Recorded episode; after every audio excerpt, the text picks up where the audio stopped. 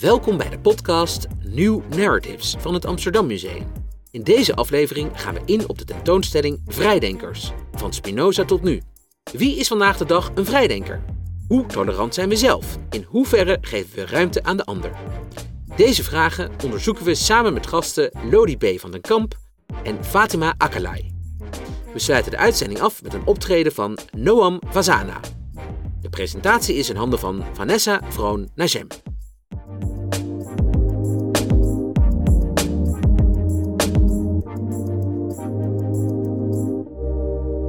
Welkom bij een nieuwe aflevering van Nieuw Narrative, een uh, programma van het Amsterdam Museum, waarin we met gasten van buiten het museum reflecteren op onze tijdelijke tentoonstellingen. En uh, vandaag doen we dat uh, naar aanleiding van de net geopende tentoonstelling Vrijdenkers, van Spinoza tot nu. en dat doen we met um, Rabijn Lodi van de Kamp, met Fatima Akalai en met mijn collega, junior conservator Ines Blanca van de Scheer. Nou, Ines, dit is vandaag jouw eerste uh, keer dat we het samen presenteren. Heb je er zin in? Ik heb er zin in, ik ben er klaar voor. Nou, welkom uh, gasten. Heel fijn dat jullie er vandaag kunnen zijn. Ik zou eigenlijk willen beginnen met de vraag: kunnen jullie misschien iets over jezelf vertellen en um, over hoe jullie elkaar hebben leren kennen? Fatima, mag ik jou eerst het woord geven? Ja, um, nou, het is een tijd terug dat we elkaar hebben leren kennen, Lodi en ik. Nou, ik ben Fatima Akkelij. Ik ben uh, ook uh, medebestuurslid bij, bij Stichting Jalla. En dat is ook vooral het verbinden tussen het Joodse en de islamitische gemeenschap. En juist ook op cultuur, op verbinding, op ehm, nou ja, als er een antisemitisme of bedreigingen zijn. Maar ook heel veel leuke dingen met elkaar te delen. En ehm, nou, bij de politie iftar. En iftar dat is een, uh, is een tijdens de Ramadan dan gaan we samen, ja, gezamenlijk met de moslims, wanneer de zon ondergaat, gaan we samen eten met elkaar. Het vasten verbreken. En dat heeft, de politie deed dat gewoon elke jaar. Er kwamen meer dan ja, 600 of 800 mensen daar op bezoek en genodigden van de politie. En er was aan tafel Said en Lodi. En we hebben, eigenlijk ontstond er meteen een klik. Het ging eigenlijk om ons accent. ja, en hij komt uit Enschede en ik kom uit Winterswijk. Dus uit het oosten. En nou ja, sindsdien eigenlijk hebben we altijd gewoon... nou, trekken we ook heel veel met elkaar op. Ja, leuk om te horen. Want inderdaad, jullie zijn samen het initiatief, samen met Chantal Svisa, zijn jullie het initiatief Jalla begonnen om uh, Joodse en, moslim-Nederlanders en Amsterdammers bij elkaar te brengen. En um, Lodi, hoe, hoe, hoe, hoe, ben jij hierbij betrokken geweest? Jullie kennen elkaar dan van de politie? Ja, dan, toen we bij de politie waren, dat is niet zomaar vrijblijvend. ik ben uitgenodigd om mee te doen met de islamitische gemeenschap bij de politie. Dat heeft ook iets over verbinding, dat is ook het hele programma. En ja, daar hadden we het ook over natuurlijk. En zelf was ik al een aantal jaren bezig binnen de islamitische gemeenschap, toen nog van Amsterdam voornamelijk, om die verbinding niet alleen te maken, maar zichtbaar te maken, want die verbinding bestaat. We hebben zoveel gemeenschappelijke historie, zoveel gemeenschappelijke uh, ontwikkelingen, zoveel gemeenschappelijke belangen. En daar hadden we het toen ook al eigenlijk meteen over. Ja, en ik herkende een soort achterhoekse accent en Fatima een uh, Twents accent. Maar toen zijn we ook, ja, daar zijn we ook gewoon verder mee gegaan. Zoals we die verbinding zoeken, en we hebben heel wat projecten al gedaan samen. Uh, voorafgaand aan Jalla hebben wij samen in Nieuwij een soort uh, tweeluik geschreven over aandacht voor de veiligheid van de islamitische gemeenschap. Zoals die ook bestaat, die aandacht voor de Joodse gemeenschap. We hebben onze verwondering over uitgesproken. Dat, is, dat is een van die dingen waar je dus samen mee optrekt. En zo zitten we dus nu ook uh, in Jalla. En dat gaat inderdaad niet alleen over vele dingen, het gaat ook over delen van onze geschiedenis en delen van onze cultuur. Delen van samen in de Nederlandse samenleving gewoon aanwezig zijn als Nederlandse burgers. Mooi, we gaan er zo nog even wat dieper op door. Maar ik ben uh, wel nieuwsgierig uh, in het licht van de tentoonstelling Vrijdenkers. Van Spinoza tot nu. Spinoza toen nam natuurlijk een beetje afstand van zijn uh, religieuze achtergrond. Ehm, en als je kijkt naar de huidige tijd, uh, jullie verbinden uh, moslims en, en, en, de Joodse geschiedenis, de burgers, uh, proberen een brug te slaan. Terwijl daarin vaak wordt voorgesteld alsof daar een kloof is. Maar als je kijkt naar vrijdenkers in het algemeen, dan, dan wordt vaak in deze tijd de vraag gesteld of je wel religieus kan zijn en vrijdenker. Dus ik ben eigenlijk heel benieuwd hoe jullie daar tegenaan kijken. Voor mij is dat helemaal geen vraag. Uh, eigenlijk beschouw ik mezelf ook niet als vrijdenker. Anderen kijken naar mij en ook naar anderen die dus deze weg gaan als een soort vrijdenker. Je, doet, je, gaat, je bent tegen draad, eh, je bent te dwarsligger, je doorbreekt beelden die er bestaan. Uh, maar dat is beeldvorming.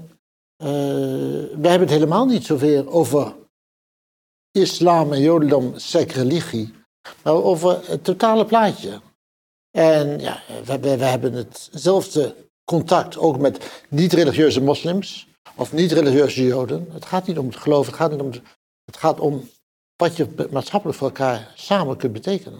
Het is meer iets wat, wat op je geprojecteerd wordt. Dus dat je uit buiten de gebaande paden iets doet. Um, is niet per se vrijdenken, maar misschien meer. Maar het is dus wat anderen vinden dat je vrij denkt. Uh, moslims en joden worden vaak gezien als een soort ja, potentiële vijanden. Of ja, dat is een soort animositeit tussen moslims en joden. Want er is een conflict uh, op 4000 kilometer hier vandaan. En, uh, maar dat is beeldvorming. En dat, dat, dat, daar ben je mee bezig om die beeldvorming te doorbreken.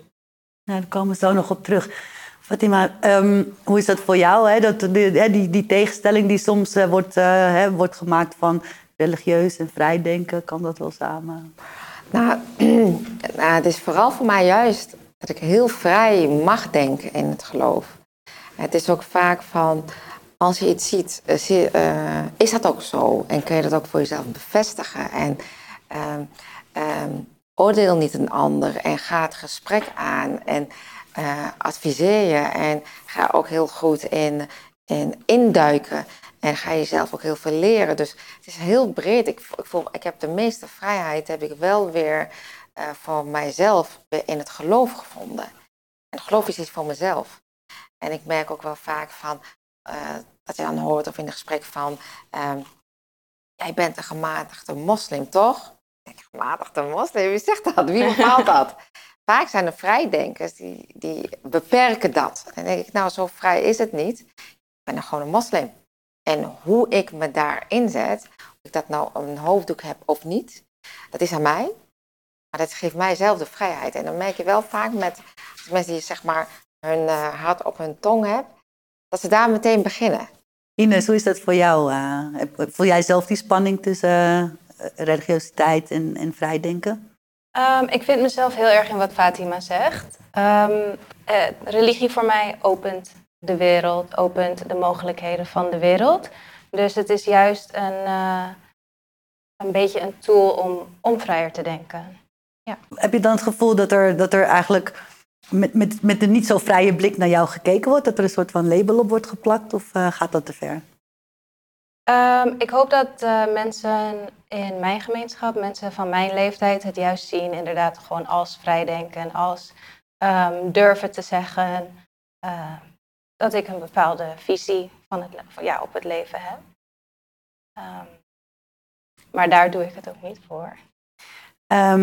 nou, uh, Lodi, je zei het net al, hè? Zo'n zo'n initiatief als Jalla. Misschien kunnen jullie eigenlijk iets meer vertellen over wat voor soort dingen doen jullie dan? Want jullie doen niet alleen, uh, uh, jullie hebben elkaar dan op een iftar ontmoet. Wat, wat is een van de favoriete dingen die jullie gedaan hebben inmiddels? De Mimuna. Mimuna, zeker. Mimuna is een, uh, een oud feest aan het einde van het Joodse paasfeest. Dat met name in Marokko werd gevierd. in een combinatie door Joodse en islamitische inwoners. De islamitische inwoners vierden die laatste momenten van het paasfeest mee. En dat is een heel feestelijk gebeuren.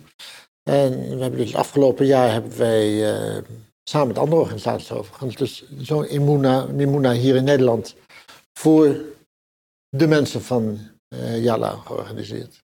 En dat, is, dat zijn vaak eye-openers van hé, hey, we hebben iets gemeenschappelijks waar, waar niemand hier in Nederland iets van weet. We hebben ons ooit door middel van een expositie, dat was nog een beetje voor de Jalla-tijd, uh, aan de hand van, een, uh, van panelen en verhalen laten zien hoe moslims in islamitische landen, hebben het dan over de Balkan, hebben het over Tunesië, hebben het over Rodos, over de geschiedenis in Marokko, hoe moslims in die landen Joden hebben gered in de Tweede Wereldoorlog door middel van laten onderduiken, door laten vluchten, zoals dat hier in Nederland ook is gebeurd. En dat is een, voor, met name voor jongeren, zowel Joodse als Semitische jongeren, Marokkaanse, Turkse jongeren, is dat een volkomen onbekende geschiedenis. En dat betekent dat we zo'n 80 jaar geleden of 90 jaar geleden als gewone burgers met elkaar omgingen. En dat proberen dan weer zichtbaar te maken. Ja, zodat je daar ook een voorbeeld aan kan nemen in onze tijd. Ja. En dat je dus afleert dat, dat, dat vijandsdenken, omdat er ergens een conflict is wat uh, men graag naar Nederland wil importeren. Ja. Nou, dat is natuurlijk ook ingewikkeld, hè? want uh, we leven in een geglobaliseerde wereld waarin je hè, in, op het moment dat het gebeurt, heb je het hier al uh, hè, op je telefoon of op televisie. gaat heel snel, dus het voelt ook alsof het dichterbij is gekomen. Hoe, hoe, gaan de mensen om, je heen? Hoe zien uh, de, uh, andere uh, Joodse mensen met wie je omgaat, kun, kunnen die dit invoelen, meevoelen, ondersteunen? Vind je weerstand? Of... Dat is altijd, van meteen meet af aan is dat een soort uitdaging geweest. En dat is gezegd dat je eigenlijk blijkt dat je meer tijd bezig bent. Je moet meer tijd investeren in je eigen gemeenschap. Om die duidelijk te maken waar je mee bezig bent en om hem mee te krijgen. Aan de andere kant uh, heb je ook weer de uitdaging van niet te ver voor de troepen vooruitlopen, want dan, dan sta je alleen. En dan bereik je ook niets.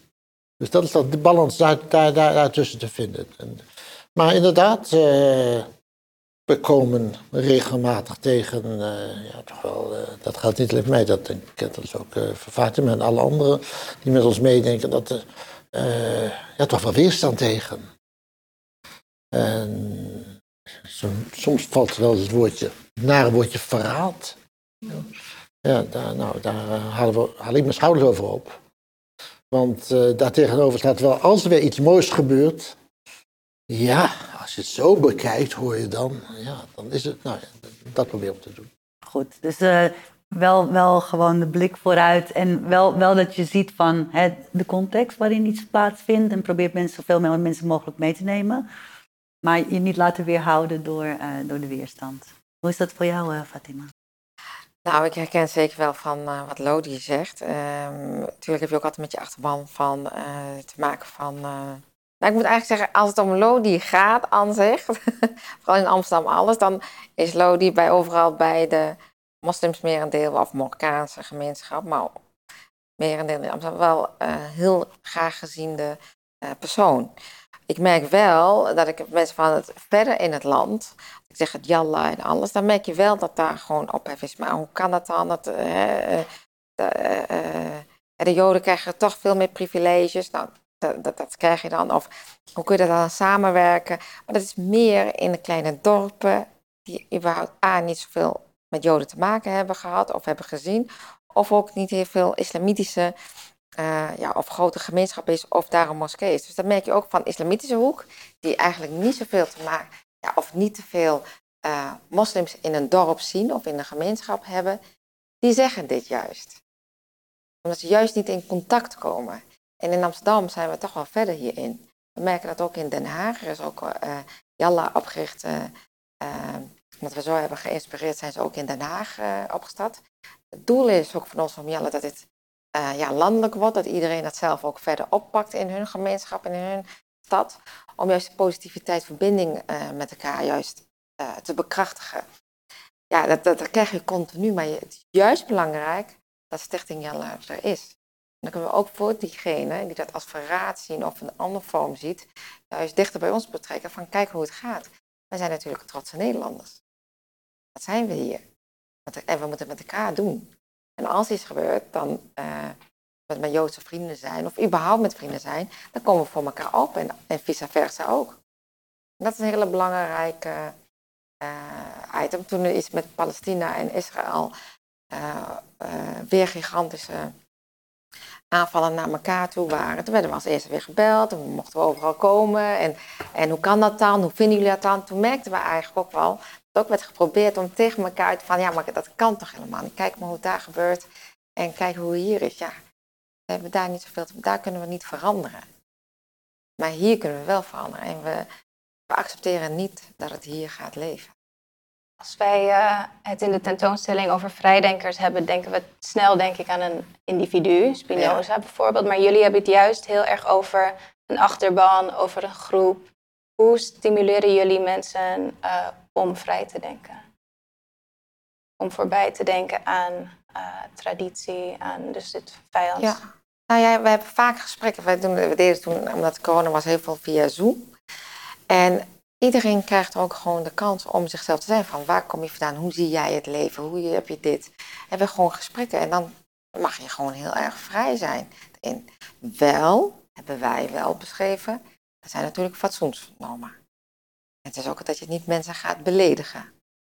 Uh, dus dat, dat vinden wij wel heel belangrijk. Vanuit alle kanten, maakt niet uit. Religie of niet religieus. Uh, je, hebt, je met elkaar, je moet het samen doen. En ook gevoelens met elkaar. Uh, dat je elkaar niet beledigt of tergt daarin. Dat vinden wij heel belangrijk. Dat hebben we wel in onze belangrijkste item bij Jalla wel meegenomen. We hebben ook een, dat, dat, is eigenlijk heilig bij ons, dat je ook de ruimte aan elkaar geeft om je eigen verbondenheid niet te, niet te verloochenen. We beschrijven dat een beetje als er zondagmiddag een pro-Palestina demonstratie is. Dan wie daarvoor kiest, die gaat er naartoe. Als er maandag een pro-Israël demonstratie is, die wie daarvoor kiest, die gaat er naartoe. En dinsdag komen we weer samen. Die vrijheid, die eisen we voor elkaar op. Uh, toen in Amsterdam-Oost veel Palestijnse vlaggen werden getoond. En een dag later in het centrum van onze stad Amsterdam veel Israëlische vlaggen. Toen hebben we ook geroepen, Morgen gaan we weer de stad in, maar dan zonder vlaggen en dan samen. Want wat willen we nu eigenlijk bereiken? Willen we bereiken dat we tegenover elkaar staan of dat we samen proberen die vrede hier te bewaren, die dus kennelijk daar in het Midden-Oosten nog niet lukt? Nou, als je eerder de vrede probeert te exporteren dan het conflict importeren. Nou, wij zeggen dus wat uh, de president van Palestina en de president van Israël daar niet kunnen realiseren, laat, wij, laat ons dan proberen hier dit binnen onze gemeenschap wel te realiseren. Met de hoop dat ze misschien nog een keer naar ons kijken van... hé, hey, wat Jalle kan in Amsterdam, dat moeten wij in het Midden-Oosten ook wel doen. Kijk, dat zou mooi zijn. Um, ik vind het mooi wat je zegt van... Uh, uh, iedereen mag zijn eigen loyaliteiten hebben. Iedereen mag zijn eigen keuzes maken. Uh, maar dat hoeft je niet te beletten om wel samen te komen... en te kijken waar je wel verbinding kan vinden... en van elkaar kan leren en kan openstaan voor elkaars verhalen dat vind ik bijzonder, want um, we hadden het er in het voorgesprek over dat um, vanuit een religie denken, maar ook juist vanuit, uh, stel je voor dat je anti-religieus denkt, dat iedereen ook een beetje de arrogantie van het eigen gelijk heeft. dus ik ben benieuwd, hoe, hoe komen jullie voorbij dan die arrogantie van het eigen gelijk en hou je die open blik naar de ander? Ik zeg altijd over mezelf, ik ben heel arrogant. Ik ben overtuigd van het eigen gelijk door middel van mijn geloof. En dat zeg ik tegen nou, de Rooms-Katholieke gesprekspartner of de Islamitische gesprekspartner. Ik ben overtuigd van mijn gelijk. Alleen, dat betekent op het moment dat ik dat zeg, eis ik ook de ruimte op om dat gelijk op te mogen eisen. Op het moment dat ik dat doe, voel ik mij zo natuurlijk verplicht om die ander datzelfde, diezelfde ruimte te gunnen. Dat betekent, ik kan zeggen, ik heb gelijk, ben overtuigd, maar ik gun jou de ruimte om te zeggen, nee, ik heb gelijk. En dat betekent niet, we hoeven niet te kijken van, nou, maar wie heeft nou werkelijk gelijk? Nee, jij hebt gelijk, ik heb gelijk, want dan geven elkaar de ruimte, daar gaat het om. En dat overtuigen, dat laten we maar aan de theologen over. Dat, uh, en die zijn er al trouwens 3000 jaar mee bezig, het is nog niet gelukt. Maar het gaat om elkaar de ruimte te geven om het gelijk te mogen beleven. En dat heeft Spinoza natuurlijk niet gekregen. Want? Nou, toen Spinoza zijn ruimte opeiste, ja, toen, uh, de kerk in Nederland was er niet blij mee. En de synagoge was er niet blij mee. Ja, en uiteindelijk volgde er een ban enzovoort, nog een heleboel andere dingen. Dus uh, in dat opzicht is hij natuurlijk een voorbeeld van een vrijdenker die gewoon niet de ruimte heeft gekregen. En, en eigenlijk jouw punt is, je zou eigenlijk wel elkaar die vrijheid moeten gunnen. Eh, binnen de wet natuurlijk. Dus hij is eigenlijk best hard aangepakt in zijn tijd. eh, en heeft daardoor niet de, de, eh, de ruimte kunnen krijgen. Die, Ja, er is natuurlijk heel veel over te zeggen hoe die is aangepakt en welke, door wie enzovoort. Zeker. Dat is dan heel ingewikkeld, maar ja, vrijdenken. eh, als mensen aan moslims denken, denken ze vaak niet zo echt aan vrijdenkers. Ja, Eh, ja, ja, ja. heb, je dat, eh, heb je daar nog ervaringen mee? eh? Nou ja, kijk, als mensen naar, naar moslims is het altijd vaak van dat je beperkt bent en dat je dus, eh, je mag wel heel veel vrij denken, maar het is ieder, ieder moslim is niet hetzelfde. Dat zeg ik ook van hoe ik het ervaar, hoe ik het interpreteer, zo- zoals ik het doe, wil niet zeggen dat mijn dochter of mijn zus of mijn moeder hetzelfde is.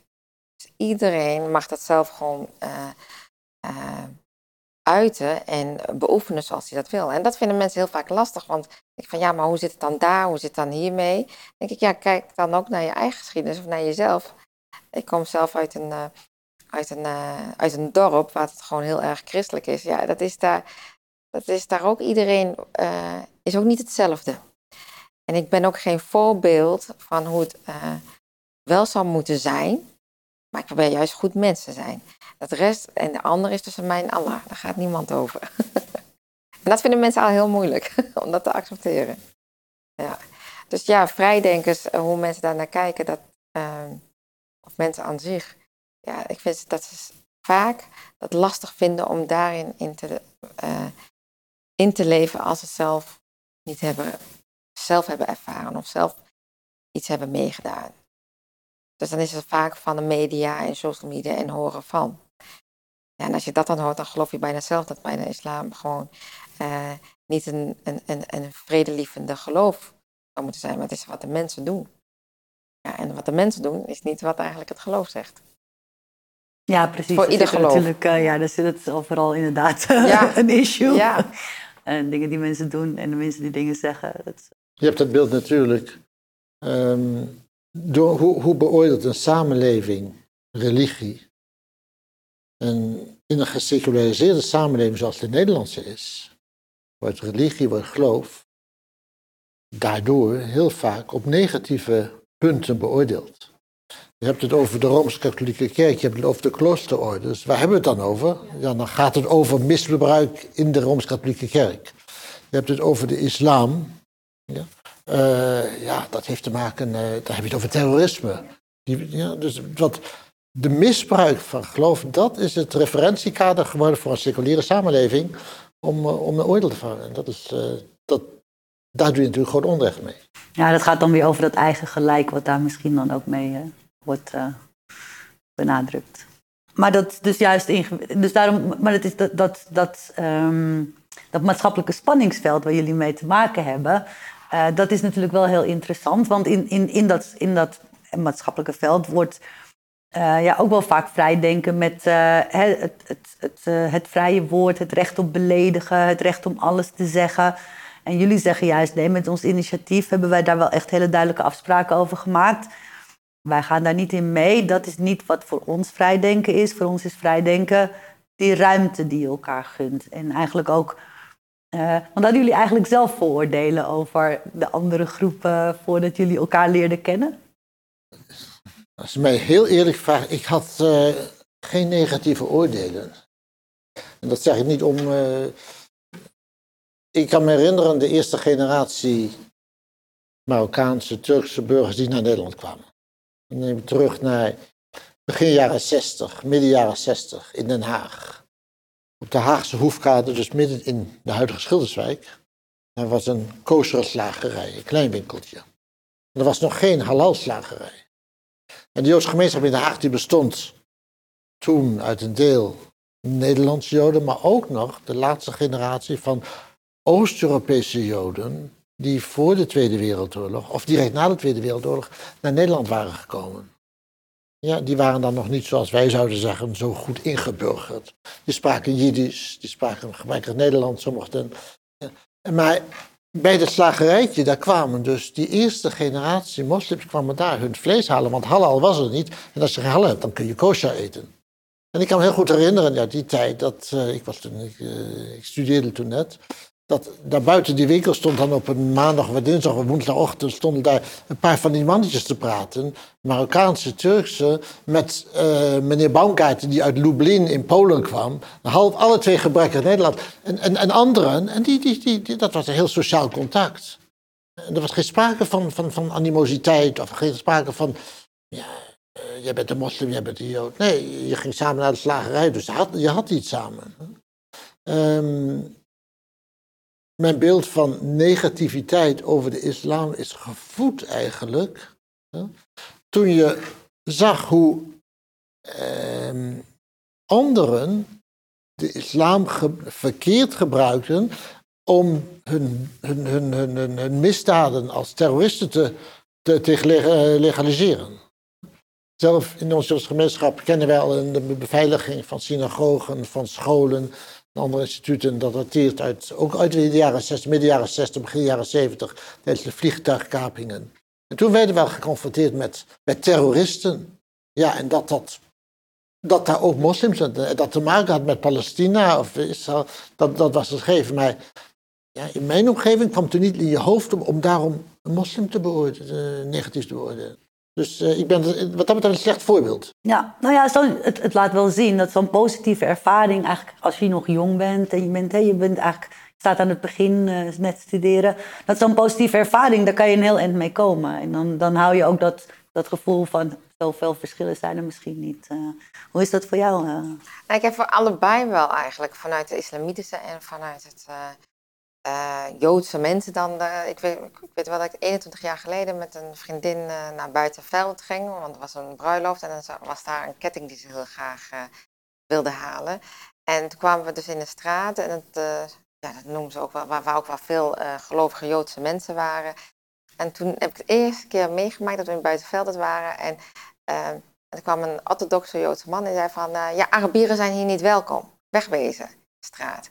Ik dacht, nou zie je wel, wij mogen hier niet komen. Ik zei ook tegen van, kom, we gaan weg. Ze zei, nee, je mag hier gewoon komen halen. En eigenlijk ben ik dan, uh, zeg maar, twaalf jaar niet in de buurt geweest. Om gewoon van, dus daar hoor ik niet te zijn. Want je hoorde van, ja, maar dat zijn alleen maar de Joodse rijke mensen. En de Joodse mensen. En uh, uh, daar mogen niet uh, moslims komen. Of als je hoofddoek op hebt, sowieso niet. Uh, tenzij je alleen maar schoonmaakt. Uh, maar voor de rest was dat niet. En dat, heb ik dat was me best wel lang bijgebleven. En, en twee kanten van het verhaal is ook dat ik ook de islamitische gemeenschap van de moskeeën en alles, dat daar ook gewoon boze mannen waren. Dat werd me ook vaak zo voorbelicht van, hè, het is gewoon gebed en alles. Ja, totdat ik zelf heel erg betrokken was met activiteiten en alles. Nou, schatten van de mannen merendeel. En heel open en ook heel lief. En zorgelijk. En al die mannen maakten koffie en thee voor mij en alles. Dus ik hoefde helemaal niks te doen. Dus ik dacht, wat een beeldvorming die ik mezelf voor kan. En dat ik naar die één incident ook zo twaalf jaar gewoon niet in de buurt kwam. En toen ik eigenlijk met merendeel met andere mensen in de buurt kwam en alles, dacht ik, ja, door één ja, incident wat je kan doen. En ook raar gedachten kan ook. Ja, dus de positieve of juist de negatieve. Dat, uh, want het had net zo goed omgekeerd kunnen zijn. Want de positieve en negatieve... Ja, zo is het ook. Sta het en Lodi traject. Ah, zo is het. En dat was weer een negatieve... Dat was weer een negatieve ervaring. Ja, misschien kun je dan... Ja. ja. Um, ik was toen directeur van de Joodse school. In Amsterdam, Buitenvelde dus. En uh, toen hebben wij uh, besloten om eens een antisemitisch incident... wat wel eens in de stad gebeurt, zichtbaar te maken. Nou, hoe doe je het? Ik heb lang over gesproken, maar uiteindelijk heb ik ervoor gekozen om met verborgen camera's de stad in te gaan. Dat was een hele discussie. Dat hebben we gedaan met twee leerlingen van de school, VO-leerlingen. En toen zijn we gewoon gaan lopen door de stad. Eh, Amsterdam-Oost, Javastraat, Amsterdam-West, Mercatorplein, Bos en Lombard, het centrum. En de waarheid is, we hebben toen tien uur lopen filmen, dus anderhalve dag. En we hadden uiteindelijk twee incidentjes. Wat wel heftige incidenten waren. Maar, maar in, in tijd, dat was uh, minder dan een minuut. Een van die incidenten was een soort scheldpartij. En die stond dus op camera. En de andere was een Hitlergroet. Nou, dat is, dat, dat is behoorlijk heftig. Uh, en dan heb je een beeld van, van, van, uh, van die jongen, jongen ergens in Bos en. Jongen, Marokkaans, achtergrond. En. Dan ben je natuurlijk heel gauw geneigd van, kijk, het is ons bevestigd. Tot het moment dat Said Ben Salam, de jongen waar ik al jaren mee samenwerk, die belt mij de volgende dag op. En die, zegt één zin van meneer Van den Kamp, u kent mij niet, ik ken u niet, maar hoe kunnen we dit samen oplossen? En dat raakte mij. De volgende dag zaten we aan tafel. En een paar weken later zaten we met die jongen aan tafel. En die hebben meegenomen in een heel traject, want dat wilde hij graag. Hij vraagt, Lodi, wil je een keer met mij naar het Anne Frankhuis gaan? Nadat ik hem had verteld wat eigenlijk een Hitlergoed doet. Wat, wat de heftigheid, wat, wat dat teweeg brengt binnen de Joodsgemeenschap. Ja, en toen waren we dus in het Anne Frankhuis. En één ervaring is toen dat we, daar wordt het filmpje getoond van Miep Gies. Dat is de helpster van, een van de helpers van de familie Frank in het achterhuis in die onderduik. En Miep Gies vertelt op dat filmpje, ja, ze was toen 22, uh, heel jong. Ze werkte voor de vader van Anne Frank, voor meneer Otto Frank.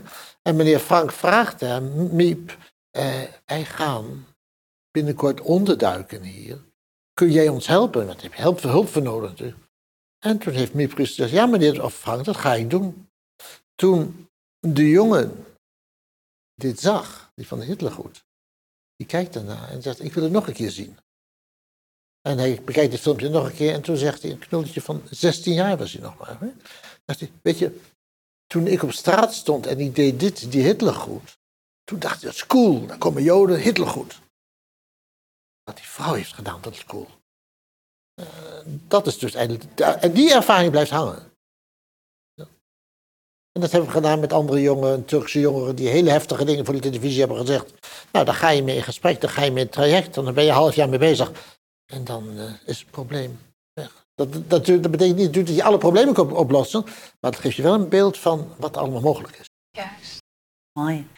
Tijd vliegt en we zijn alweer bijna aan het eind gekomen van uh, deze uitzending. Ik vind het mooi hoe jullie hebben eigenlijk aangegeven uh, dat um, vrijdenken hoeft niet alleen maar uh, te zijn dat je um, het echt heel individueel uh, benadert. Vrijdenken kan ook als, als lid van een groep in ontmoeting met anderen, met andere groepen.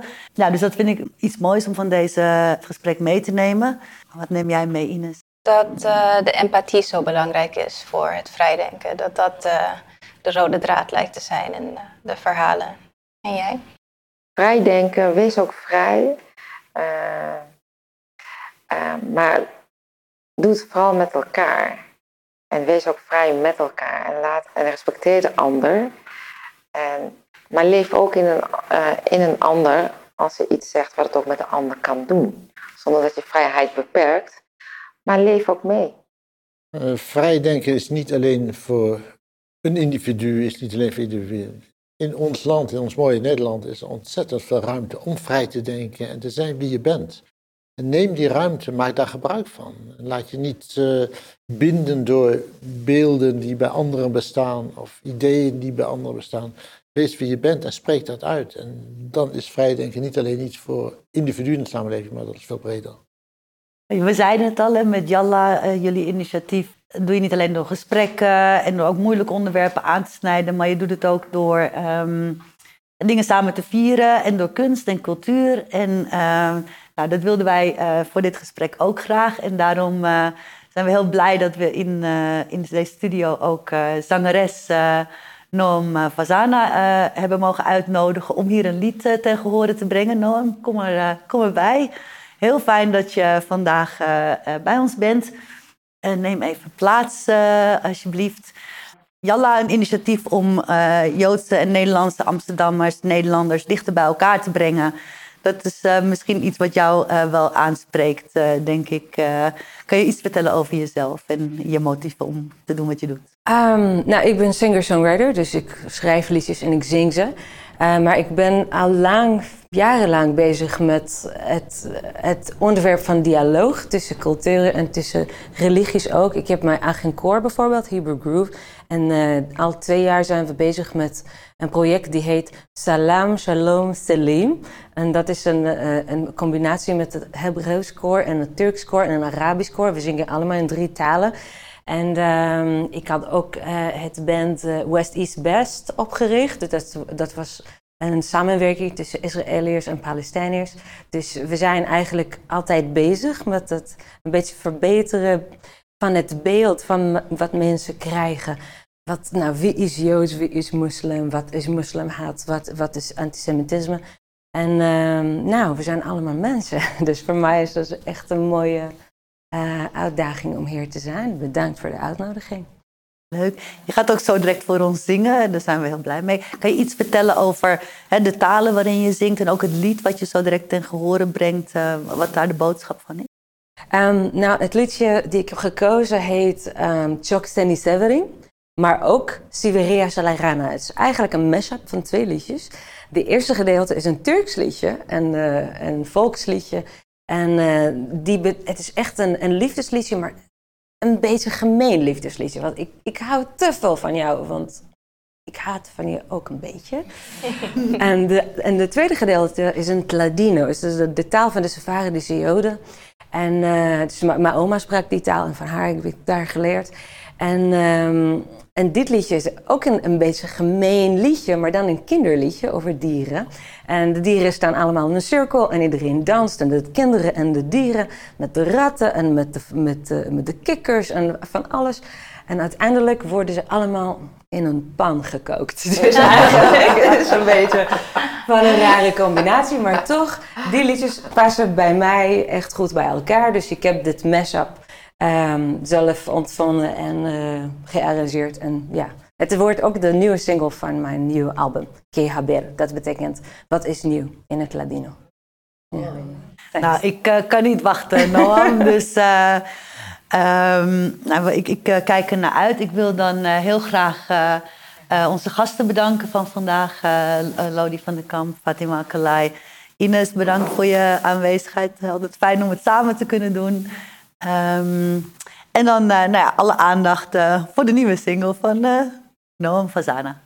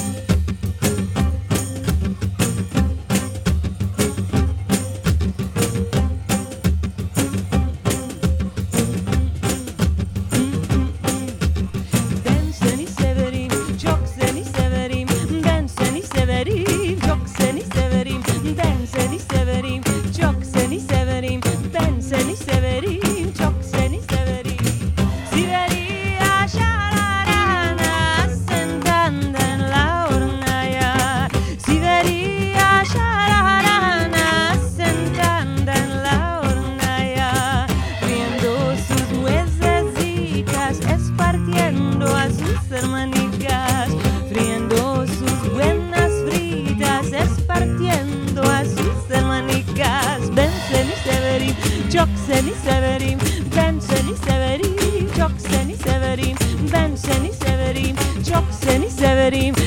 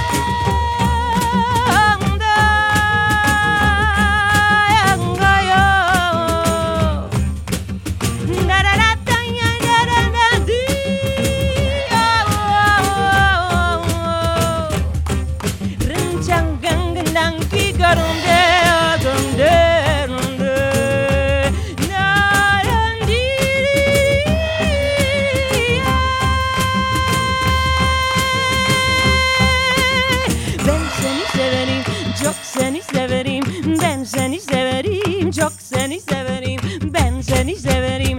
Çok seni severim ben seni severim. Çok seni severim ben seni severim.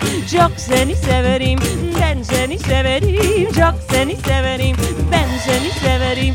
Çok seni severim ben seni severim. Çok seni severim. Wow.